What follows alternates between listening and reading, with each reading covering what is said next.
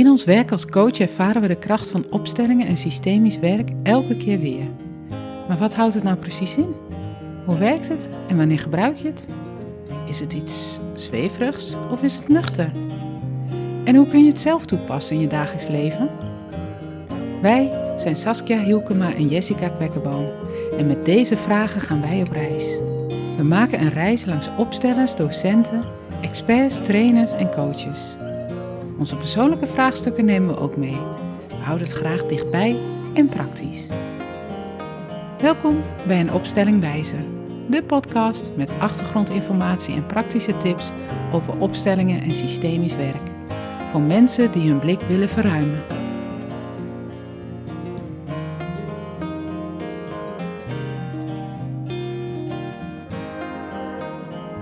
Waar gaan we het over hebben, Sas? Zullen we gewoon lekker terugblikken per gesprek? Een soort evaluatiemomentje.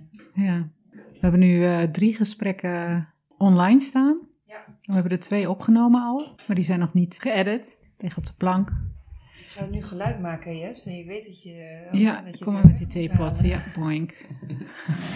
halen. Hoor je, Stoel, ja, kom maar lekker. Sorry, ik zal het proberen zo min mogelijk te bewegen. Nou, kom maar lekker bij de microfoon dan. Wil je nog een potje thee? Kopje thee? Dat doen we normaal ook niet in de podcast. Nee, We mogen niks... Ik mag... Jessica is zo streng. Ik mag, ik mag niks drinken. Ik moet echt helemaal stil zitten de hele nou weet je nog dat we bij Salome zaten en dat ik een paasei in mijn mond deed? en dat ik dacht, hè? Ik stop een paasei in mijn mond. Wat ben ik aan het doen? Oh, heerlijk. Oh, oh, dat was eh, even wennen. Ja. Maar goed, elk maar je hebt, het geluidje weg, je hebt het weggehaald. Ik heb het... oh, ik ben zo goed geworden in knippen. Ja, want wat is, wat is jouw motto geworden? We kunnen alles knippen en plakken. ja, heerlijk. Maar het is ook wel een beetje prutswerk hoor. Het is wel heel precies werk. Nou, ja, Mhm. jij bent dus degene die dat doet. Mhm. Ja. Wat ik zo leuk vond wat jij net zei. Dat jij dus door, door dat werk nu te doen, dat want het is precisiewerk, ja, het is precisiewerk. Ja, nou... dat dat iets bij jou oproept. Ja, want ik, mijn allereerste baan was ik onderzoeker. En dan kwam er soms een soort eh, perfectionisme naar boven. En dat, dat komt nu bij dit werk, komt dat ineens na jaren, denk ik, daar is die weer. Dus ik word wel uitgedaagd met dat editen. Van op een gegeven moment is het gewoon goed genoeg, dan gaat Ja. het de deur uit. Ja.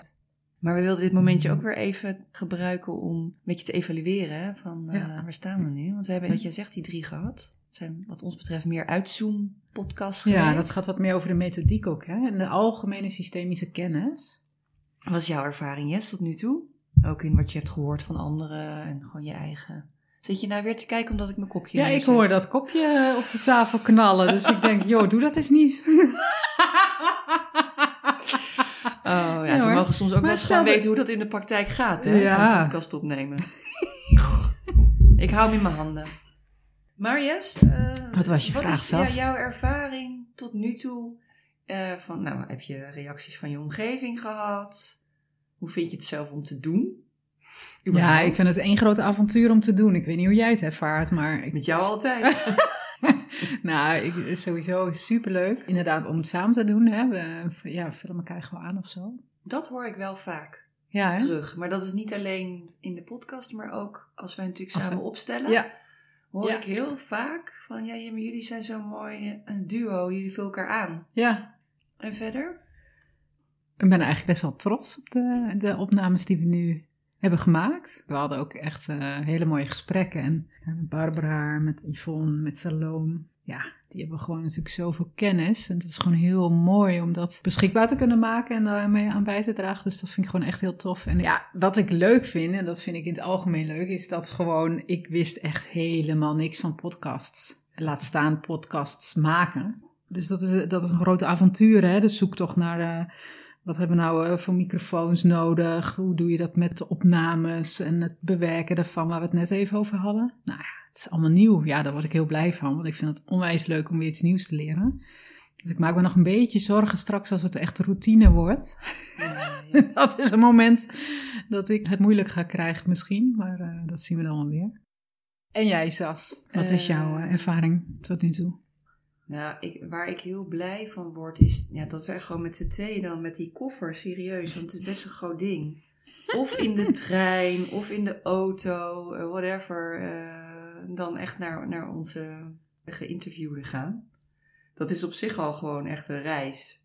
Ja. We hebben natuurlijk altijd ook echt wel mooie gesprekken en lol, dus zo'n dag is altijd goed besteed. En dan, nou, inhoudelijk heb ik toch elke keer weer dat ik, dat ik weer dingen oppik. En dan denk, oh ja, of ah, ja. en zo, ja. We hebben trouwens ook hele leuke gesprekken gehad met eh Anne-Jan de Witte. Ja, die hebben we nog, daar hebben we mee gespart. Hè? Ja, want die heeft natuurlijk ook zo'n mooie podcastserie, eh de Systemische Systemische- Teamcoach. Dus dat was heel fijn en ook heel leuk. Oh ja, en natuurlijk eh, Michiel van Ham van Noorderlicht, Ja. die nu ook de podcast eh, op hun site hebben gezet. Hebben we ook een leuk gesprek mee gehad. Ook leuk gesprek. Allemaal ook ideeën over opstellers die we konden benaderen.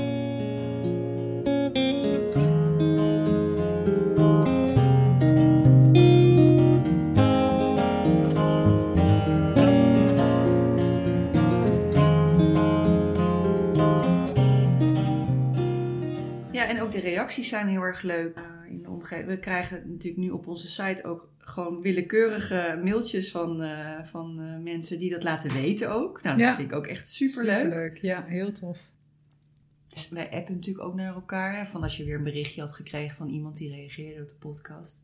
Hebben we het nog helemaal niet over gehad. Jij reageerde van, kijk, mijn moeder heeft Ja. gereageerd. En is, die heeft nu echt zoiets van, hé, hey, nou snap ik waar je mee bezig bent. Mijn moeder had nog niks laten weten. En die heb ik zelf dus gevraagd uiteindelijk van, goh, wat vond je van de podcast? Ja, toen was eigenlijk de reactie, ja, ja, ik heb het wel geluisterd, maar ik ben uiteindelijk mee gestopt. Ik vond het iets te langdradig. Jullie kregen ook niet echt antwoord op je vragen, toch? Maar dat heeft bij mij dus ook wel weer iets geraakt. Ja.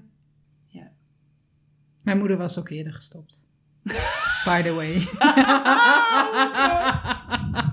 maar dat kreeg ik later pas te horen.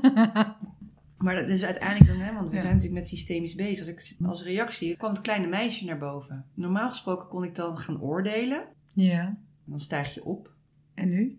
Nu eh, kon ik dat meisje dus heel duidelijk gewoon zien. Of van, ja, dit is gewoon, ja, die zou het anders willen. Maar ik mag daar dus als volwassen vrouw Saskia, mag ik dat dus nu gaan opvullen. De behoefte van, nou, ja, dat heb je goed gedaan. Leuk dat je dat initiatief hebt genomen. Spannend, maar je doet het wel. Ja. Weet je, zo. Zeg je dat nu tegen jezelf? Eh, ja. En nu ik dat zo uitspreek, denk ik, oh ja, daar word ik echt wel blij van als ik dat dan zeg. Ja.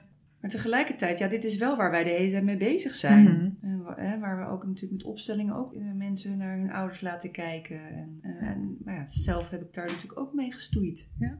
En doe ik Ja. dat dus nog steeds. Dat laat ik ook wel eens mensen uitspreken. Dat wat ik tekort ben gekomen, dat kan, daar kan ik nu zelf voor zorgen, want ik ben volwassen. ja. Ja, Hoe doe jij dat? het gaat vooral over wat heb ik nodig. Mhm.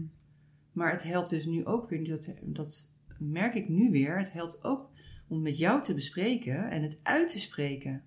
Dus ook de kracht van dat uitspreken, Ja.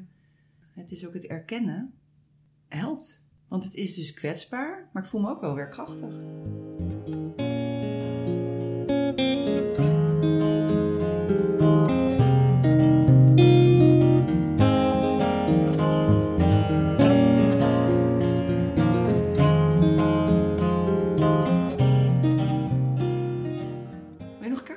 Kaartje Jess?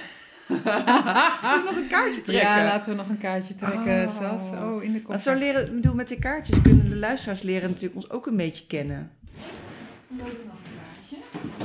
Zullen wij zeggen, oh, de koffer wordt opengetrokken. Nou, mag jij trouwens eerst, want ik ben vorige keer als eerste Ja. geweest. Eigenlijk uh, systemisch, Jess, sta jij op één. Uh, jij bent ouder. Dat is waar. Die kijkt me aan. Het hemd is nare... Nee. Geintje. het komt in de beste families voor. Heb jij je wel eens voor iets van je familie geschaamd? Jazeker. Ik vond het heel lastig dat zowel aan mijn vaders kant als aan mijn moeders kant het heel veel ruzie voorkwam. Heel veel gedoe. Mijn beide oma's die zijn jong overleden. Dus ja, ik heb één oma gekend, toen was ik 2,5. Toen zij overleed, dus niet echt gekend, niet bewust. Maar mijn opa's, ja, voor zover ik me kan herinneren, was er ruzie mee. En ook met ooms en tantes. Hmm. Beetje wisselend. Soms zagen we ineens toch wel weer ooms en tantes, neefjes, nichtjes, maar heel vaak ook niet. Nou, dat vond ik wel eens lastig.